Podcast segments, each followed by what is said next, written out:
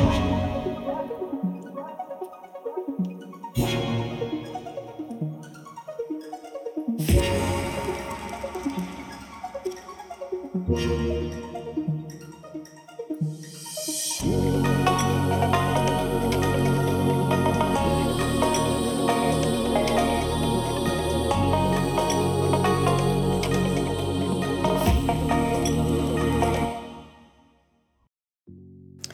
Hej och välkommen till Hotspot.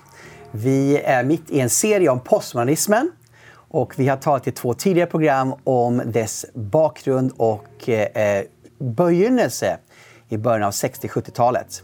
Idag tänkte vi tala med Stefan Gustafsson från Apologia om eh, postmodernismens utveckling kring millennieskiftet och hur dess uttryck är idag. Välkommen till vårt program. Hej Stefan! Hallå! Kul att ha dig tillbaka. Kul att vara här. Vi pratade ju förra gången om postmodernismen. Eh, hur den utvecklades på 60-70-talet. Och också eh, dess bakgrund. Alltså synen på människan i centrum, människan i alltings mått som leder till subjektivitismen. Mm.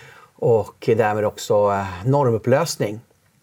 Eh, och jag är intresserad av hur eh, postmodernismen vidareutvecklas till vad det är idag. Eh, och kan du berätta lite grann vad som händer efter 60-70-talet när det tar fart in i nästa fas? Mm. Vi eh, lever ju mitt i en, eh, mitt i en process som är, är präglad av det. Mm. Och eh, det känns väldigt bra att vi får ha den här, den här sortens program därför mm. att när man... Det är ganska svårt att och, riktigt avkoda, avläsa liksom det som man själv är eh, mitt i det som pågår. Det är mycket enklare om man tittar historiskt, ja. eh, liksom hur någonting var och vad som präglade då och, och, och så. Därför behöver vi mycket sådana här eh, eh mycket sådana här samtal. Mm. Eh, vad är det vi egentligen eh, simmar omkring i Precis, just nu? Det var någon som sa någon bild här om dagen till mig att det kom en äldre fisk till en yngre fisk och sa att det är väldigt bra vatten idag. Och den yngre fisken, vad är vatten för någonting? Ja, just det. Nej, men så, är, ja. så är det ju. Och eh, postmodernismen det är ju det är ett sånt här fenomen då vi har ju dragit de långa rötterna tillbaka till upplysningen och mm. antiken. Men mm. det, det, är liksom, har du ett tankesystem som Eh, eh, som finns i universitetsvärlden på, ja. Eh, på 70-talet. Det börjar få först genomslag i arkitekturen där man börjar upplösa eh, liksom mer strikta förhållningssätt. Man börjar blanda stilar inom arkitekturen. Och det kan man tycka det blir ju ganska, mm. ganska positivt och intressant. Mm. Det kan bli lite mm. roligt att man inte måste vara bunden av ett, ett, ett visst formspråk. Eh, men sen så förs det då över till, eh, till många andra områden i hur man ser på själva verkligheten. Så det går från filosofi till att börja prägla kultur? Just det. Eh, det går från filosofi till att prägla kultur till att ta över liksom, eh, hela atmosfären ja. igen i, i, eh, i, i västerlandet. Mm. Och det är ofta en sån här sak som man är själv inte riktigt medveten om. Nej. Vad är det som präglar mitt tänkande? Man har fullt upp med att, försöka tänka men så så är det egentligen bakomliggande premisser som styr vad jag uppfattar som ja. ett, ett, bra tänkande. Jag tänker på, det fanns ju en tänkare, en italiensk tänkare som hette Antonio Gramsci, Gramsci va? som talar om eh, kulturell hegemoni, att du lever i en kultur och du vet inte varför du tänker som du tänker därför att du får en input från alla håll och så blir du präglad av din kultur och din tid. Och det är väl det som har hänt med, med eh, postmodernismen, att idag har den en kulturhegemoni. Den styr hur politiker fattar beslut, hur vi samtalar, hur vi tänker och vi förstår inte ens varför vi tänker som vi gör. Utan vi tar det som självklarheter bara. Ja, just det. Det blir som eh som luften vi andas. Om, om, man, om man tänker så här att eh, man befinner sig i ett rum och så är det någon som eh, av någon anledning så sipprar det in gas eller rök in, in i rummet. Och det kanske är så pass långsamt att de som är där inne märker det inte, men gradvis så blandas luften som de eh, andas. De, det. det blandas upp med någonting annat för att till slut vara en väldigt dominerande del av det som man står och drar in så att säga. Just det. Eh, och det, det är en annan, en annan bild av eh, vad, vad det är som sker. Och därför måste man ibland få hjälp. Vi måste hjälpa varandra att liksom stiga lite åt sidan i den mån mm. det går från det egna nuet och se vad, vad är det för liksom luft som har sipprat in här. Och Det är lite tanken med de här programmen också. jag tänker också vi som kristna påverkas ju av våra miljöer runt omkring mm. oss. Mm. Och, och, vi talade i förra programmet om att postmodernismens grund är egentligen ateistisk. Och, och, då kan vi som kristna som tror på Gud och tror på Bibeln plötsligt börja tro på någonting som i grunden är ateistiskt egentligen i sitt, i sitt tankesystem. Ja, just det. Eh, och, och man kan lite omedvetet tänka att jag kan kombinera den kristna tron. Med, med det här nya som man ja. då tycker känns bra. Ja. Man kanske tänker att ja, men det här blir ett väldigt tolerant sätt att, att tänka att sanning är subjektivt eh, och, och, jag ska vara tolerant som människa. Ja. Och så ser man inte att eh, den kristna tron utgår från objektiv sanning. Mm. Och att tolerans i kristen tro, det är ju inte att säga ja till alla andra människors uppfattningar. Eller livsstilar. Eller livsstilar. Mm. Utan eh, tolerans, eh, det är ju att jag tolererar mm. och vill respektera dig som människa. Ja. Trots att du kanske har övertygelser som jag menar är falska. Ah. Och trots att du kanske lever på ett sätt som jag menar är felaktigt. Ah. Eh, så tolerans i en kristet perspektiv betyder inte allmän acceptans av Nej. alla åsikter och, och, eh, och livsstilar. Mm. Vi kan ändå leva i harmoni i ett samhälle fast vi som kristna då eh, inte håller med om vissa åsikter eller livsstilar. Eh, därför vi, vi, vi, vi är liksom inte vi skiljer oss inte åt på ett lagiskt sätt, fördömande sätt. Nej, det är en, eh, och det som jag sa här, den kristna synen på tolerans, det är, man kan säga det är en klassisk syn på, eh, på tolerans där man, eh, där man har sagt att vi, vi tolererar varandra, vi, ja. vi försöker inte förgöra varandra, förhin, mm. förinta varandra. Mm. Men vi tolererar att man kommer fram till olika åsikter, olika sätt att leva. Mm. Men vi ger inte upp tanken på att någon av oss kan ha fel. Just det. Eh, kanske till och med båda har fel och att sanningen mm. är eh, någonting tredje. Ja. Och vi är från båda sidor öppna för att samtala om det här. Mm. Eh, och faktiskt pressa varandra. Vad tänker du? Varför tänker du så? Mm. Och är det verkligen det bästa sättet mm. att tänka på? Så att tolerans innebär faktiskt ett, eh, i det perspektivet ett, ett sökande efter sanningen, ja. en, en beredskap att då också ändra sig, vara villig att ta emot kritik. För det är klart mm. att jag har inte allting rätt. Eh, utan jag behöver också fördjupa min förståelse, mm. kanske förändra mig på eh, punkter. Och för en kristen är det ju någonting självklart. Jag mm. har omvänt mig från det som var fel till Jesus Kristus och jag försöker leva i en daglig omvändelse för jag märker hur jag själv faller tillbaka i, i, eh, i tankemönster och Eh, och så, som inte är sunda. Och så, så det är ju bara en självklarhet för en kristen att man, man hela tiden vill vända sig mot det som är sant och det som är gott och som vi då är övertygade om eh, finns ytterst sett hos eh, Jesus Kristus. Just det, just det. Vad bra. Men på vilket sätt eh, eh ser vi rent konkret då att postmodernism tar sig uttryck eh, i nästa fas? Efter de här första filosoferna som vi har pratat om, Foucault, Derrida och eh, Lotard och så vidare.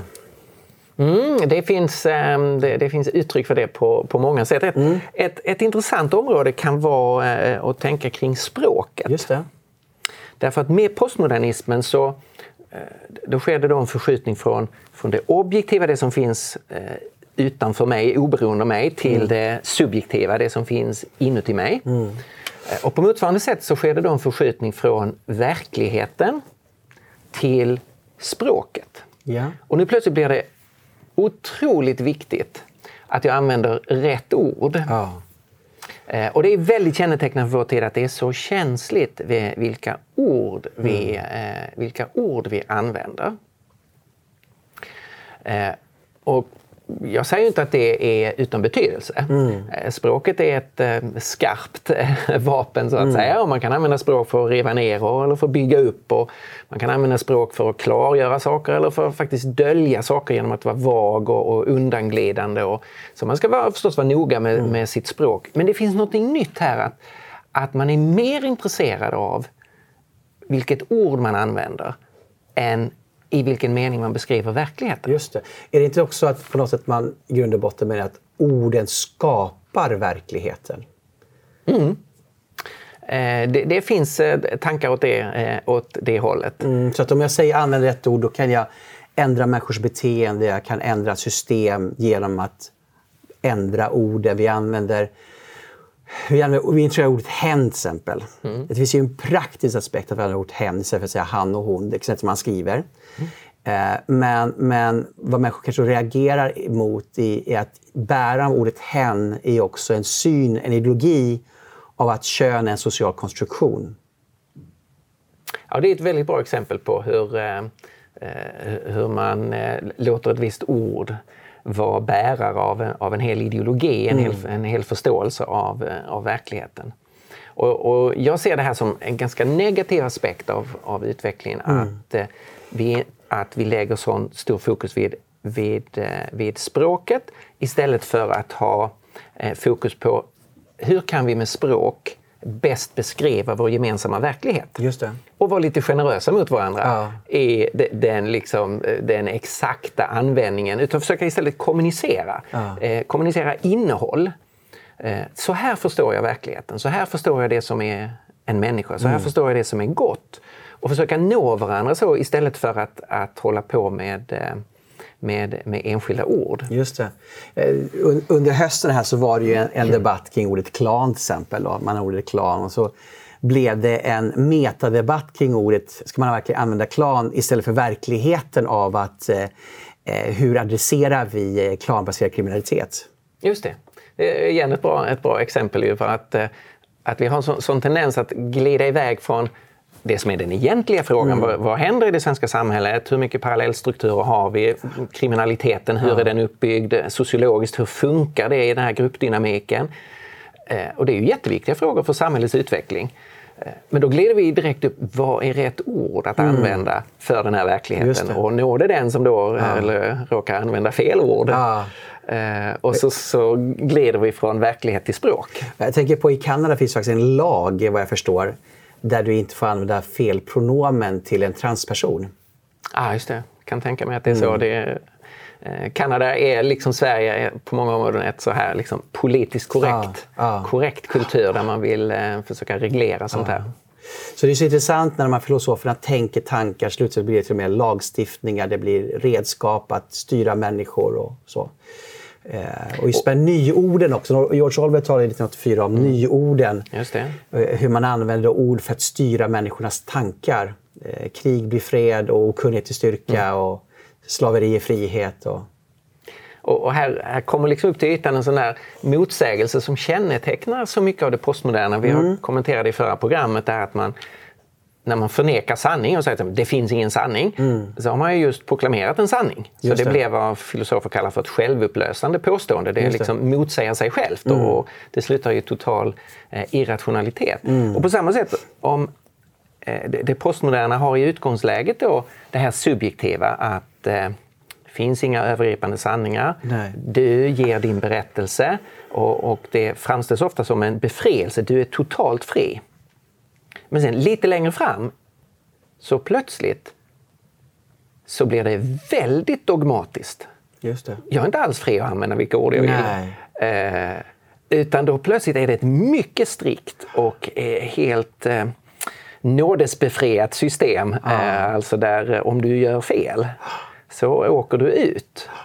Eh, och, och då plötsligt är saker och ting inte alls subjektiva. Mm. Så det är ju någonting här att postmodernismen fungerar inte som ett helhetsperspektiv. Nej, just det. Och det är ju precis den kristna trons, en av dess många styrkor, att den faktiskt är ett helhetssystem, en världsbild som, som går att leva med på ett liksom sammanhängande, konsekvent mm. sätt. Det dyker inte upp eh, de här interna motsägelserna hela tiden. Mm.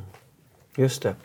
Hur skulle du beskriva den kristna synen av människan kontra postmodernismen? Vad, vad är, vi har tagit postmodernismens syn. Vad är den kristna synen på människan? Mm. Och de här problematiken kring maktanalyser och sådana saker. Ja, just det.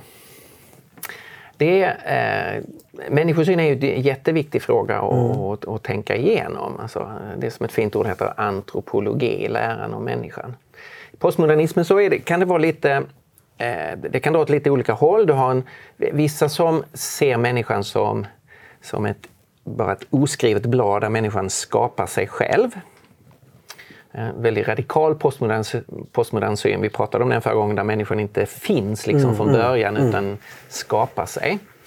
Eh, för andra så ligger, kanske man inte går riktigt så långt, så ligger ofta betoningen då på att, att människan, om du tar bort alla de här yttre normerna så, så är människan god. Så då utgår man ändå från att människan är någonting i sig självt. Mm. Eh, och då man ofta ser då människan som, eh, som kreativ och, och eh, liksom, om människan får de positiva möjligheterna så kommer hon att förverkliga dem. Mm. Så antingen då en tom människa eller en, en människa med en god potential.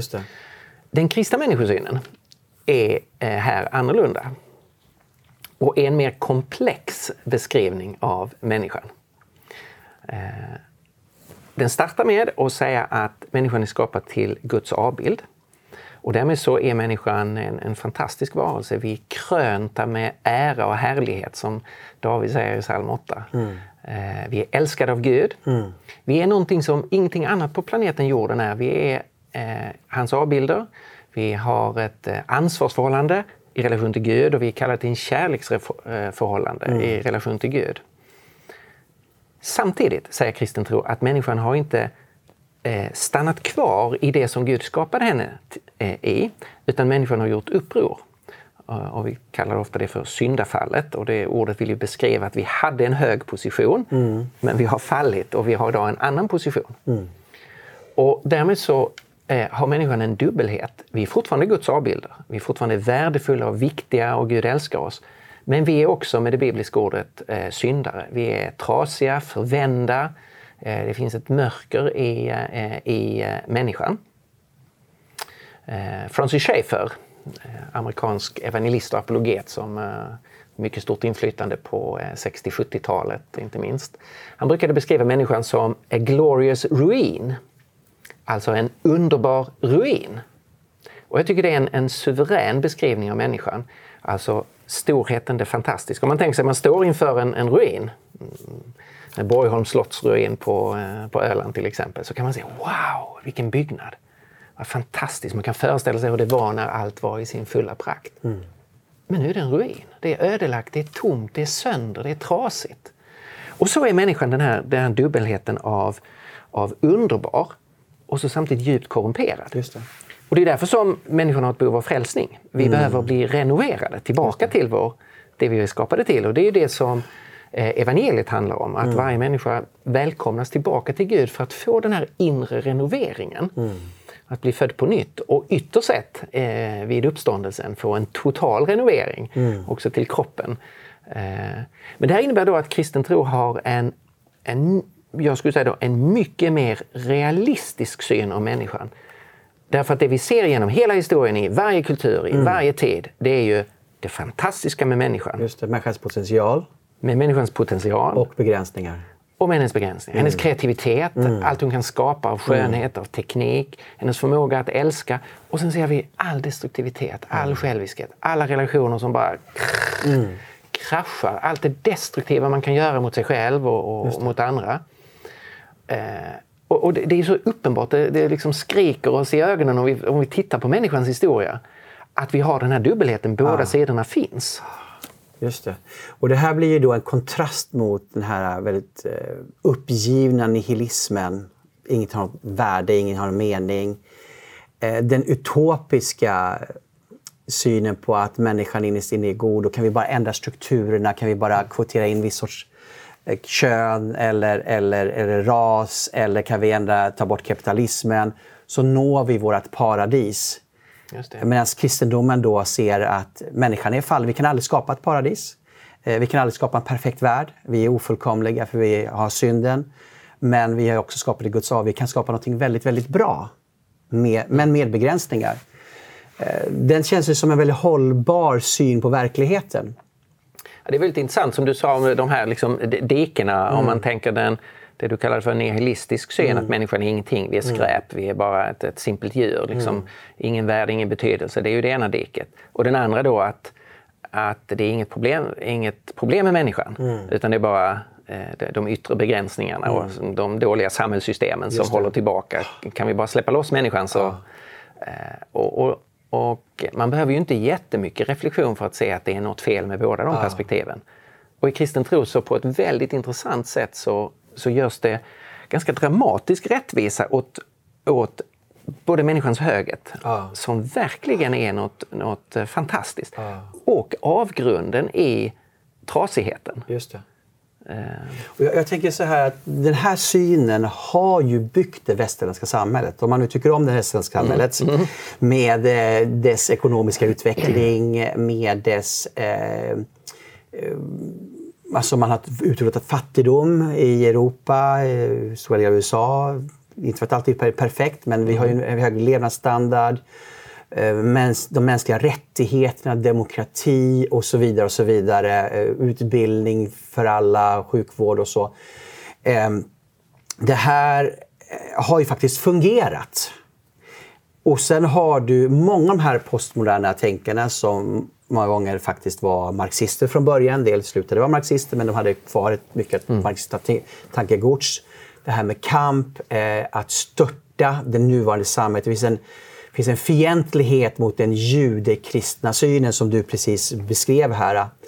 Ehm, och, och, och, och, då bygger på att får vi bara bryta ner det här systemet så kan vi skapa den nya utopin. Jag tycker på något sätt är det tråden i det budskap man ser från de här olika grupperna idag. Vi kommer ner i ett program om just social justice-rörelserna Eh, där man just då vänder sig hela tiden mot, mot det västerländska samhället och, och, och lägger helt en skuld på det här samhället och vår historia, vårt kulturarv. Ja, man är, väldigt mycket här i postmodernismen är ju präglat av eh, av marxismen när man börjar ja. tala om, eh, om samhället. Och här är ju den, den stora skillnaden om man ska tänka så här att, att man erkänner att samhället är ofullkomligt och det betyder att det finns saker vi behöver rätta till. Mm.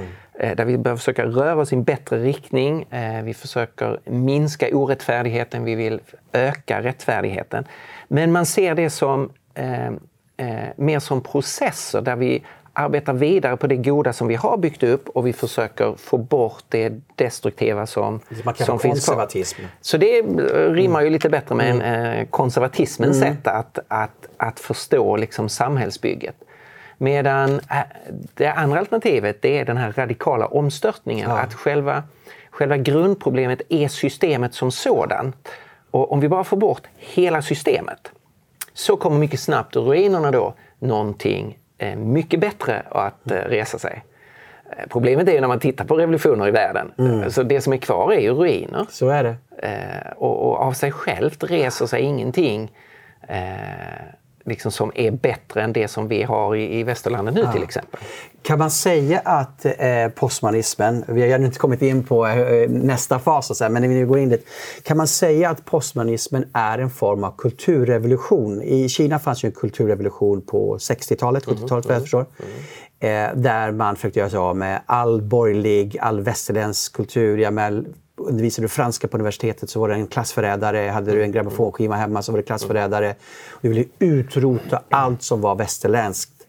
Eh, kan man säga att det finns drag av samma sorts tänkande i postmodernismen och dess nu, nutida rörelser av en form av kulturrevolution? Ja, det tror jag. Det är en, en, en intressant eh, liknelse. Den är ju inte, precis som du indikerade, den är ju inte, eh, analogin är inte total. Nej. Därför att i Kina så skedde det ju med eh, eh, politisk styrning och med absolut förtryck. Mm. Men själva tankegången där var ju att vi måste få bort eh, de gamla böckerna, de gamla tankarna, mm. de, eh, få bort kyrkorna och man skulle radera ut en mängd saker som man menade höll tillbaka utvecklingen. Mm. Resultatet var ju katastrofalt.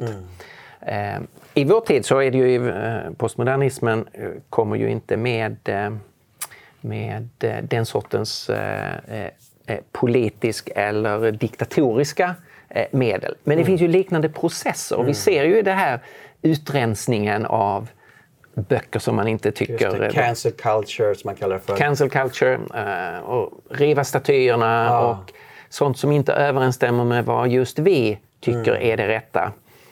Eh, så vill man radera ut historien istället för att förhålla sig till den. Det. Eh, och, och där liknar det verkligen eh, kulturrevolutionen. Så det är en, det är en form av kulturrevolution, ja, kulturrevolution, det håller jag med om. Och så finns då, du hade också en väldigt stark aktivist där du aktiverade speciellt ungdomar då att revoltera mot den äldre generationen. och idag har vi också kanske mycket ungdomar som går i bräschen. Vi kanske inte ska gå in i alla detaljer på vilket sätt då, men Men, eh, och det är, det är ju det härliga med ungdomar. Passion, passionen, överlåtelsen, ja. viljan att förändra någonting. Det ska man ju verkligen vara, vara rädd om och, ja. och eh, bejaka. Det är någon, en väldigt stark kraft. Mm. Eh, men det finns ju också någonting i, i det ungdomliga av att kunna vara Nyanserad? Eh, eh, man är inte nyanserad, man är enögd. Ja. Eh, och man ser inte riktigt hela bilden. Mm. Man har förstås begränsad kunskap eller snarare erfarenhet av mm. hur komplicerat både det egna mänskliga livet är och hur komplicerat samhällsprocesser är. Mm. Och att därför bara släppa loss eh, Det skapar ju lätt en pöbelsmentalitet. Ja. Eh, så, så, är det. Man mm. är kategorisk som mm. ung. Det kan ju vi som har varit det så är det, och ha tonåring eller haft tonåringar. Man kan se ja. det. Så här behöver vi ju, eh, här behöver vi ju vi behöver arbeta tillsammans över generationerna förstås. Mm. Eh, att den ungdomliga entusiasmen behövs. Men det behövs också det bredare perspektivet mm. som eh, livserfarenhet kan ge. Just det. För jag tänker också på 68-rörelsen som var ju också påverkad av postmodernismen och en del av deras tänkare. Mm. mm. Eh, sexuella revolutionen med, från Foucault men också mm. Herbert Marcuse var ju också en sån mm. som förespråkade sexuell, total sexuell frigörelse. Det var också en form av kulturrevolution faktiskt. Eh, och där de unga gick i spetsen och var väldigt radikala. Just det. Och senare blev journalister framför allt. Marscherade in på Journalisthögskolan mm, mm. och, och den långa marschen i institutionerna talar man ju. Just det. Eh, eh så att det är intressant att se de här parallellerna hur man vill förändra kulturen väldigt revolutionärt fast inte med vapen. Då. Och det, där får man ju ge eh, cred mm. till eh, 68-rörelsen och på samma sätt kan man ge cred till eh, eh, hbtq-rörelsen, mm. queer-rörelsen. Att man har, man har sett det här, det som man kallar för den, den långa marschen genom institutionerna. Mm. Alltså, vad är det strategiskt bästa sättet att påverka samhället? Jo, det är att vi måste in i institutionerna. Mm. Vilka institutioner är det som påverkar eh, allra mest? Det är utbildningsväsendet, så vi måste in på Lärarhögskolan, det är media, vi måste in på Journalisthögskolan mm. och det är socialarbetare. Så vi måste in på Socialhögskolan. Och så kom ju de tre. Mm. Eh, de, och kyrkan också? Kyrkan till viss del, ja. Mm. Eh, mm. så att, och, och då, man får se, det har ju varit väldigt framgångsrikt. De har utnyttjat och använt de möjligheter som det demokratiska samhället ger. och de har haft ett strategiskt sett ett riktigt tänkande. Mm. Fast de idéer som de ville förverkliga eh, var falska. Just det. Just det. det här kallas för entrism, ju, att man, man går in i en befintlig organisation och tar över och påverkar det åt en helt annan riktning. Just det. Mm. Ja, intressant. Det förklarar ju mycket hur vårt samhälle, varför vårt samhälle ser ut som det gör idag. Mm. Eh, men postmodernismen tar ju en, en, en ny fart under, runt millennieskiftet. Eh, kan du beskriva lite grann vad som hände kring millennieskiftet? Det, det är ju... Eh, det är ju en, på ett sätt en, en, en linje som fortsätter, liksom mm. en, en, process som växer och samtidigt så, så, eh, så sker det nya saker. Eh, om man tar eh, synen på sexualitet mm. så, så sker det ju ganska dramatiska saker när det gäller den kulturella acceptansen eh, kring eh, eh, homosexualitet och homosexuella eh, relationer. Där det ju tidigare, om man tar eh, gayrörelsen, mm. så hade de ju en, eh, en kamp för att säga vi vill bli accepterade, inte sjukdomsförklarade. Vi vill få leva vårt liv eh, utan att bli förtrampade. Och fler och fler i samhället sa ja men det är okej. Okay. Det, det, är självklart att här har funnits mycket av eh, homofobi och förtryck mm. och förakt som, eh, som är, inte bör finnas. Mm. Men det där vrids ju sen, eh, sen om till att inte bara eh, acceptera att vi finns utan det blir ju en rörelsescen där alla ni andra måste tänka som vi. Just det. Och det är faktiskt ganska stor skillnad. Ah. Eh, och vi får eh, hela den här vågen av att en ny generation i skolan ska eh, uppfostras att tänka det finns ingen skillnad på hetero och homo. Mm. Du kan välja vad du ska bli. Mm. Man börjar släppa ner fullständigt livsfarliga frågor i, i barns och unga människors liv. Mm. Känn efter mm. vem du är, vad du är. Alltså istället för att bejaka, du är en pojke. Eh, och efterhand som din sexualitet utvecklas så kommer du, kommer den att, kommer du att vara intresserad av flickor, alltså och bekräfta någonting så ska man låta barnet själv känna efter och välja fritt. Mm. Både när det gäller sexuell inriktning och de senare åren då eh, frågan om eh, om man överhuvudtaget är en pojke eller en flicka. Just det. Jag har ju en vän som berättade för mig om veckan bara han kom hem, eller hans son kom hem som är fyra år. Och sa sonen att de sa till mig att jag kan pussa pojkar också. Och eh, min kompis nu går omkring i kjol. Eh, vi hade ett exempel i Världen idag, en artikel där en, en, jag vet inte om hon var kristen eller inte, men jobbade på en förskola där, där man eh, uppmuntrade flickorna liksom, pojkleksaker och tvärtom. Och man, man, man nästan eh, när de väl lekte, du, du, kan ju leka med det här också, för att styra eh, vilka leksaker de skulle leka för, för att bryta normer. Eh, och eh, slutligen kom en flicka och frågade, är, är jag verkligen flicka? Du viskade i örat lite så här skamset. Va? Så att du, du, du, trycker på de här åsikterna, du, du, du, eh, du, det som uppmuntrar till normupplösning. Och det, eh, jag tror att om man, om man eh, liksom backar bandet här när vissa postmoderna idéer börjar lyftas fram på eh, från 60-talet, 70-talet, mm. 80-talet och folk börjar säga att ja, det kanske inte finns objektiv sanning. Väldigt få föreställer sig att detta skulle få konsekvenser till att vi skulle säga till barn, vi vet inte om du är en pojke eller flicka, Nej. du bestämmer själv. Eh, därför det, det är verkligen en enormt radikal idé. Ah. Men det blir så här att när, om du börjar acceptera ett perspektiv så blir det lite som vet, om man rullar en snöboll i en, en nedförsbacke. Ja, ja. Den växer, kan vara ganska liten. Ja. Men den växer ju och kan bli jättestor i slutet. Mm. Och här har vi satt igång i rullning en idé. Det finns ingen objektiv sanning. Eh, sanningen är subjektiv. Mm.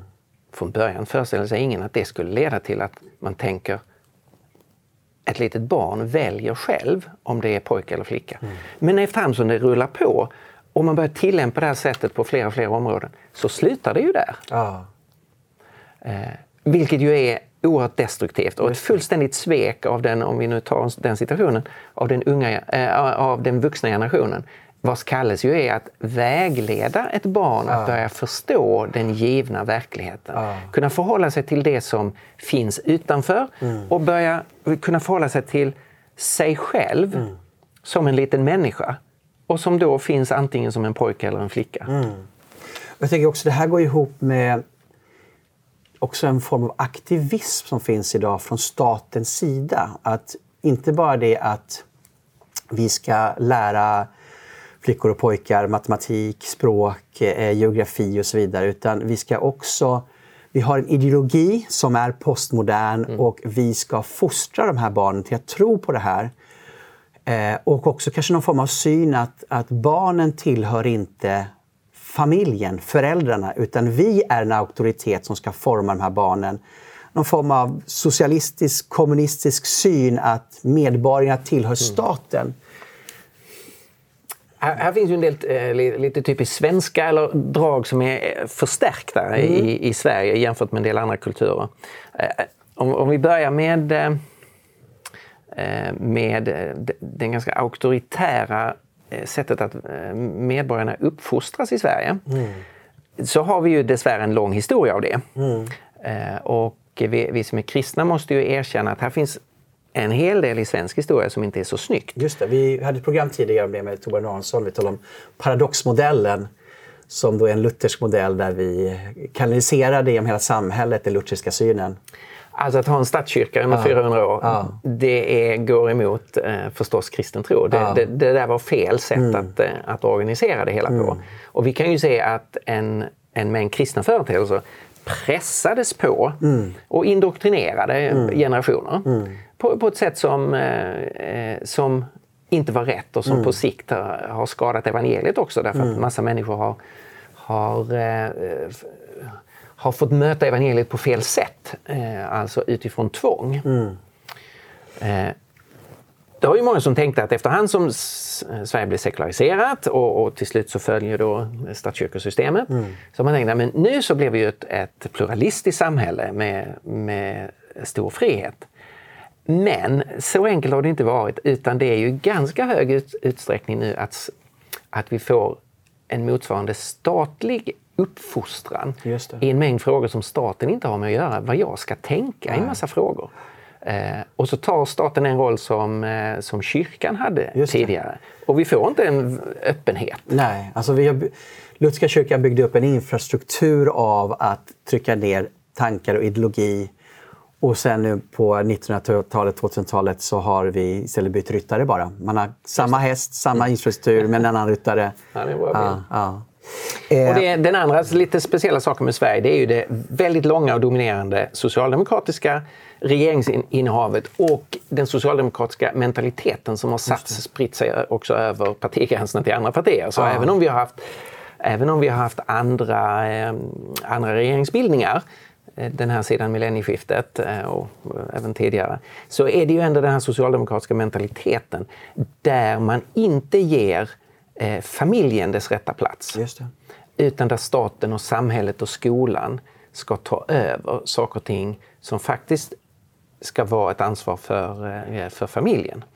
Eh, det var intressant den, den eh, allra senaste diskussionen om pornografi och de destruktiva konsekvenser som, som, som eh, sjukvården möter när det gäller unga kvinnor. Just det. Med skador på underliv och med, så. Med skador ja. och väldigt negativa erfarenheter ja. därför att eh, pojkar och män är påverkade av, av pornografi. Mm. Ja, då, då ser ju alla här, här mm. är ett verkligt problem. Mm. Och då blir ju lösningen skolan. Just det. Lärare ska utbilda barn. Ah. Eh, och det är bara ett exempel av det här att mm. man, man hoppar över det som måste vara det grundläggande steget. Mm. Eh, vad händer i familjen? Eh, vilken vägledning kan mamma och pappa ge till mm. sina barn? Sen är det klart att vissa saker behöver, kan få stöd också i skolan men, men i Sverige då läggs hela Just det tyngdpunkten är. Och då blir det ju också ett enhetssamhälle märks att man har en idé som man har kommit överens om och sen ska alla tro det här. Mm.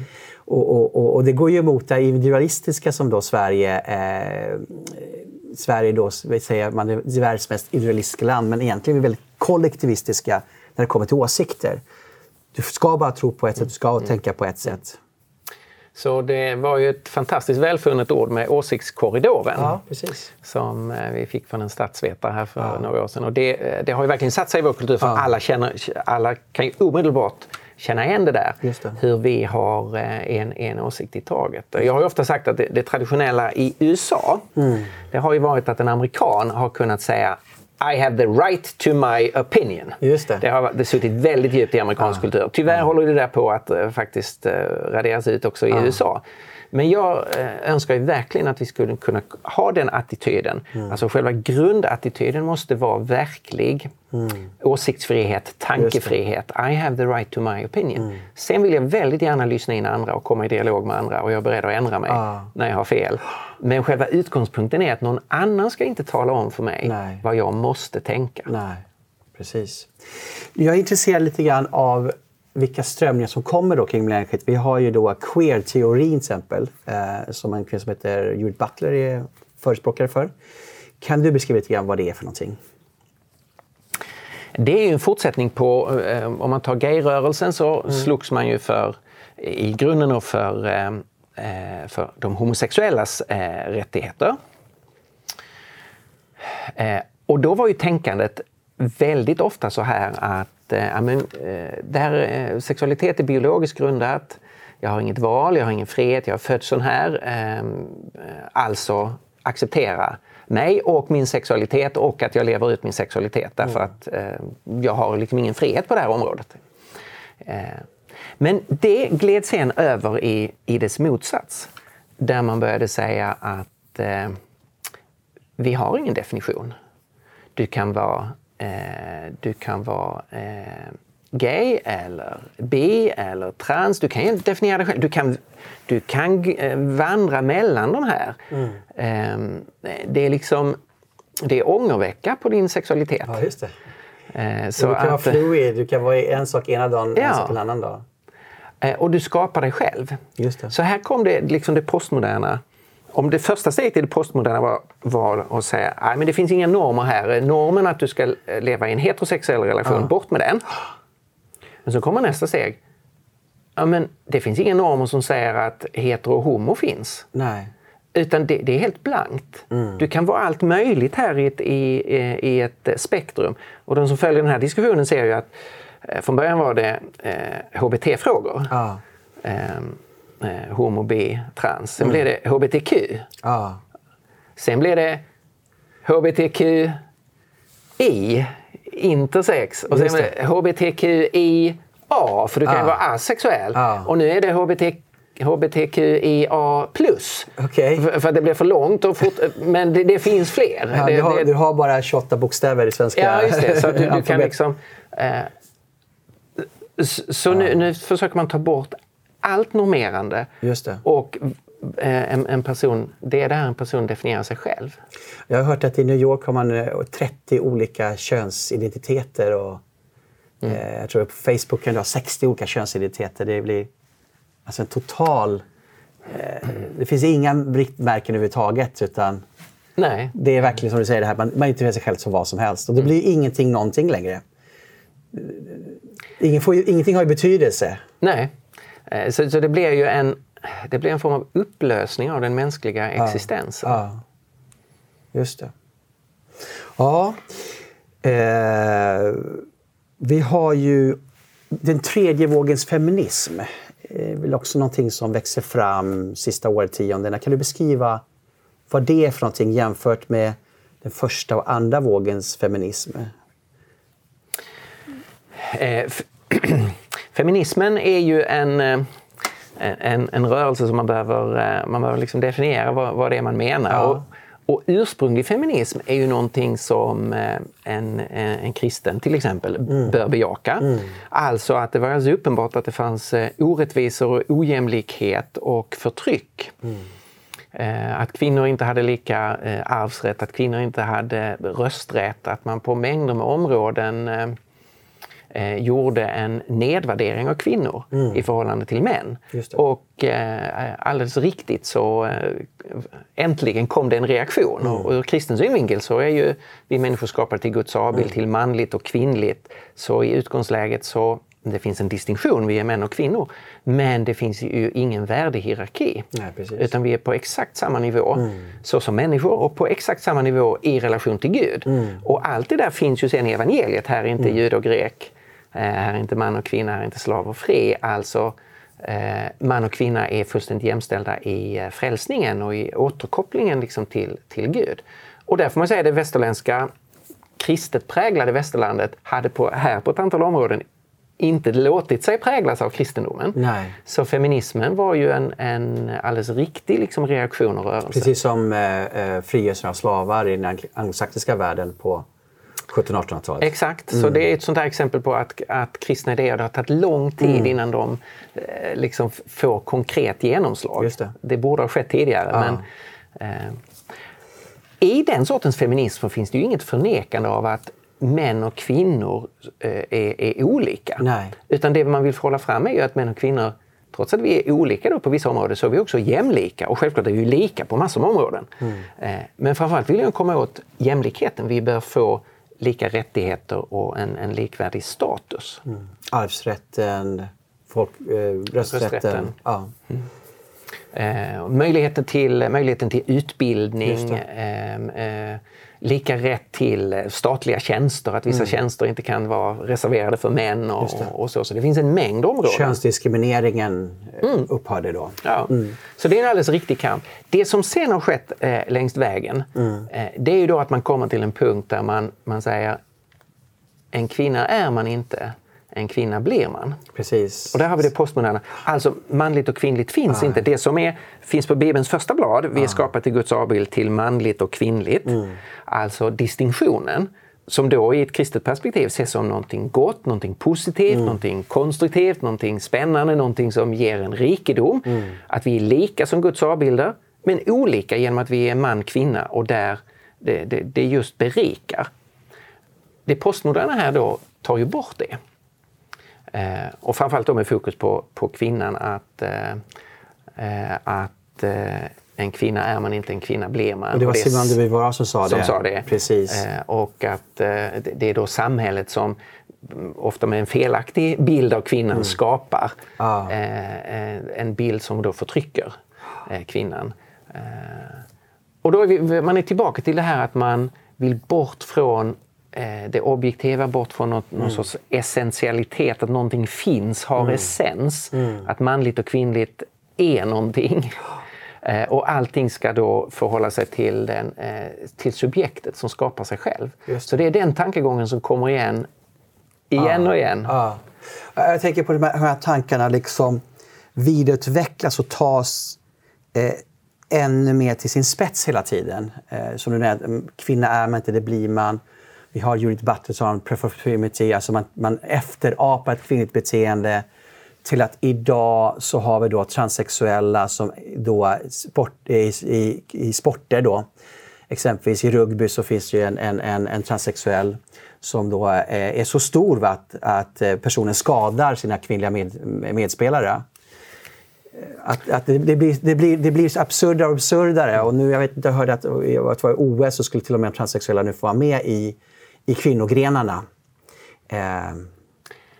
Och det, det blir ju en, en bisarr situation där det blir, ja. blir så uppenbart här att det, det finns en, en, en verklighet ja. här att eh, den, som, den som är en man, ja. som föddes som en man har, och under puberteten har utvecklats som en man, har Eh, ett annorlunda sorts skelett har eh, annorlunda sorts eh, muskeluppbyggnad. Mm. Och även om, man, även om man sen försöker det vi kallar då för byta kön så försvinner inte allt det där. Och, och, det ger ju då mycket stora fördelar ja. i, i en massa sporter för män som eh, ska tävla i eh, kvinnor, eh, i damidrott. Ja. Som väl är just i rugby som du nämnde så ska det ju upp till beslut här under hösten därför att det är helt enkelt en hälso, eh, hälsofrågan. Eh, skaderisken ökar mm. så markant inom rugby om det är en man som tacklar eh, kvinnor därför mm. att helt enkelt kroppsuppbyggnaden är så olika. Så att, mm. Och här har ju det som eh, kristna har sagt och i Sverige har ju Olof Edsinger, generalsekreterare för Evangeliska alliansen, mm. har ju väldigt skickligt drivit de här frågorna. Mm. Eh, men där får vi ju faktiskt, eh, krokar vi ju arm med en del vänsterdebattörer och feminister som säger att det här sättet att förneka alla skillnader mellan manligt och kvinnligt är ju destruktivt. Det förstör hela kvinnokampen. Precis. Därför att nu går det inte att säga att här finns en ojämlikhet, här är, en, eh, här är kvinnor underrepresenterade. underrepresenterade eller dåligt Nej. behandlade. Nej. Eller, och, och, och, därför så ödelägger det hundra års ja. jämställdhetskamp. Ja. Om man nu vill ha en kvotering i styrelsen så kan ju hälften av de männen säga att det inte finns som kvinna. Och... Just det. Mm. Ja. Eh, vi har ju då eh, normkritiska framsteg på, vi talade om sexualiteten tidigare, synen på äktenskapet. Eh, hur tar det sig uttryck där i, i äktenskap, familjebildning? Jag tänker på mm. exempelvis då regnbågsfamiljer, man har nu, nu polyamorösa relationer som lyfts fram. Just det. Och det, det blir på samma sätt där ett, ett förnekande av en, eh, av en objektiv verklighet. Om man, eh, om, om man tar äktenskapet som, eh, som institution så har den ju historiskt funnits där därför att samhällen har sett här finns en unik relation, mm. mannen och kvinnan. Den är unik på, på flera sätt, men den är alldeles uppenbart unik på det sättet att det är den enda relationen som kan ge oss nästa generation. Mm. Det är den enda relationen som är fruktsam. Det är bara i den sexuella relationen man-kvinna som ett nytt liv kan bli till. Då ligger det i statens och samhällets intresse att skydda den relationen och framförallt barnet som blir en resultat av den relationen. Mm. Eh, och eh, ur samhällets synvinkel har det historiskt varit äktenskapets huvudfunktion. Att ge en stadga åt den relationen så att flest möjliga barn får en möjlighet att växa upp under stabila förhållanden i relation till sitt biologiska ursprung, till sin mamma och sin pappa. Så då är hela tänkandet här, det bygger på en sorts objektiv iakttagelse. Förstås är den influerad också av ett kristet perspektiv. Mm. Eh, men det är en objektiv iakttagelse relationen man-kvinna är en unik relation. Eh, den kan inte jämföras med en samkönad relation, två män eller två kvinnor, därför att de kan inte producera nästa generation.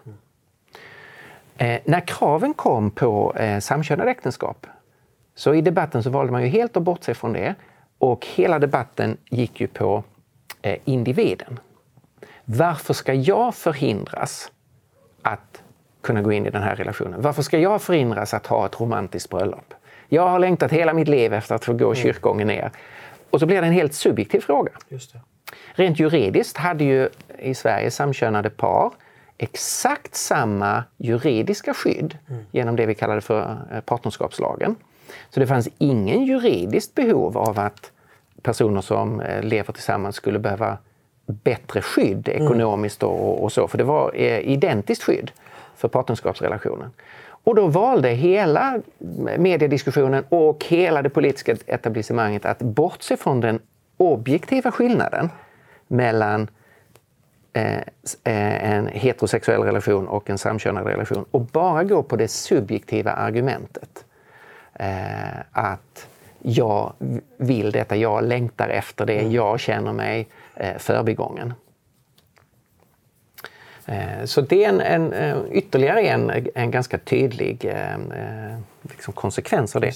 Sen efter det så rullar det ju alla möjliga saker. När du, när du väl har bortsett från den objektiva verkligheten där Sen rullar ju massa andra saker, följer det vidare att nu får ju ensamstående eh, kvinnor ha rätt till insemination. Staten ska så att säga eh, förse med sädesceller. Mm. Eh, och barn som blir till på det sättet har ju inte rätt till kunskap om sin pappa förrän man är 18 år. Då, mm. kan, då kan man ta reda på det. Men om kvinnan väljer att inte tala om det så har barnet ingen chans att veta var man kommer ifrån. Mm. Så då har man helt liksom kopplat bort den här eh, frågan. Är, vad är en människas eh, ursprung? Varifrån har jag fått mitt liv biologiskt? Varför ser jag ut som jag gör? Varför har jag de egenskaper som jag gör? Då får man bara halva sanningen. Eh, den andra sanningen kan, man, eh, kan, hållas, eh, kan hållas dold. Just det. Och det här, för, för att ta då ja. så, hur motsägelsefullt det här blir, när lyssnar man på, på politiker, till exempel flyktingfrågan. Mm. Lyssnade på Miljöpartiet här då i en, en, en intervju i Aktuellt så mm. vid tre olika tillfällen så motiverade man eh, sin, eh, sin eh, politik om familjeåterförening med att säga det är oerhört viktigt att ett barn får växa upp med sin mamma och sin pappa. Ja. Tre gånger hävdade man det. Ja. Samtidigt som man i en annan fråga eh, säger att det här spelar ingen som helst roll. Nej. Du, du har inget behov av den, den kunskapen. Eh, och då, då, man får det här helt irrationella att saker och ting ja. hänger inte ihop. Men det, det, är väl det här som präglar just postmodernismen, att det är väldigt mycket inkonsekvenser och motsägelser hela tiden. Och någonstans så är det intressanta är ju då själva maktanalysen. Ja, att jag får igenom min agenda blir viktigare än att jag håller mig till givna spelregler som vi alla kan komma överens om. Ja, så är det. Och här, här, finns ju något jätteintressant, nämligen att eh, under lång tid, för, från upplysningen och framåt, så har ju den allmänna bilden som man har försökt sätta, det är så här, ja men kristen tro är ju irrationell, mm. oförnuftig, Eh, det håller inte tankemässigt. Det är så eh, eh, liksom humanismen och upplysningstänkandet har velat sätta bilden på kristen tro. Och många kristna har tyvärr accepterat den och sagt ja, det är irrationellt fast vi tror ändå. Och så. Mm. Nu visar det sig att i verkligheten är det så att det är det sekulära tänkandet som slutar i total irrationalitet. Man kan inte hålla samman sin världsbild längre. Medan den kristna tron, som ju utgår från logos, om jag får citera Johannes evangeliet, alltså det som på svenska säger i begynnelsen var ordet. Mm. Ordet var hos Gud, ordet var Gud och så blir ordet människa i Jesus Kristus. På grekiska står det ju logos, i begynnelsen var ja. logos, alltså den logiska. Ja. Eh, vi menar ju att, att förnuft och tanke och sanning har en yttersta förankring i Gud. Mm. Och det får sen konsekvens att vi vill ha ett sammanhängande, konsekvent tänkande över hela linjen på alla livets områden. Så i dagsläget skulle jag säga att det är eh, kristen tro framstår ja. som rationell, förnuftig, förnuftsmässig medan det är postmodernismen som är motsägelsefull och, och irrationell. Tror du att eh, vi kommer få se en, samman, en kollaps, ett sammanbrott av det postmoderna tänkandet och att kristendomen gör en väldigt stark comeback i samhället i västvärlden? Just för att den är så logiskt sammanhållande och framförallt hållbar. Den har ju bevisat sig vara hållbar. Eh, det är, ju, eh, eh, det är, det är svårt att profetera någonting, speciellt mm. om framtiden. Mm. Eh, men så jag hoppas ju verkligen att vi ska få se kristendomens återkomst. Mm. Och det är det vi ber om, att Gud igen ska utnyttja sin, sin ande och det ska mm. ske en, ett verkligt uppvaknande.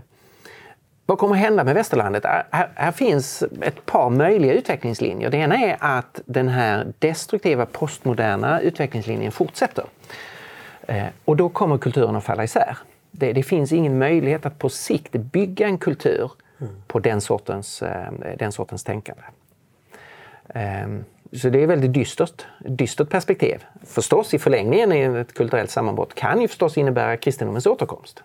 Så, eh, men, men, men, men här finns ändå något tragiskt, en, en, en vital kultur som väljer att förstöra sig själv. Mm. Det andra alternativet är ju att det faktiskt sker ett, ett uppvaknande, kulturellt och kanske kombinerat med ett andligt uppvaknande, att man faktiskt ser igenom eh, att det här är fel väg att gå och att man eh, omvänder sig intellektuellt bort från postmodernismen och förhoppningsvis också i hjärtat bort, bort ifrån humanismen, att sätta människan som alltings, eh, alltings mått. Eh, men det där är en öppen fråga och det är ju delvis upp till oss som är deltagare i kulturen. Mm. Eh, mm. Precis, vi måste synas, höras och, och beskriva vår lösning på eh, både människans andliga, eviga eh, behov och även eh, samhällets frågor. Ja, så församlingen mm. är ju, det är ju jätteviktigt att församlingen reser sig upp här och vänder sig ut mot världen ja. och visar ett alternativ. Och att vi, det som, det som har skett är ju att kristendomen har dekonstruerats av dess kritiker. Ja. Vi behöver lära oss att dekonstruera postmodernismen. Just eh, och visa att det här håller inte. Nej. Eh, och kunna presentera alternativ. Mm. Stefan, det här är, har varit jätteintressant. Eh, du ska få komma tillbaka. Jag tänker att vi ska faktiskt ha en litet samtal tillsammans med Anders Gärdmar om två veckor. Eh, där vi pratar mer om postmodernismen och vi tror eh, framtiden och hur, vad framtiden kan bli i Sverige. Om vi blir kristna eller om vi fortsätter på den här vägen. Tack så jättemycket Stefan. Tack så du ha. Och välkommen tillbaka snart igen. Gärna. Tack så mycket att du har tittat på Hotspot. Eh, vi eh, kommer ha nästa vecka Anders Gärdmar kommer tala om den postmoderna bibelsynen och hur det har påverkat kyrkan. Så välkommen tillbaka nästa vecka. Tack så mycket.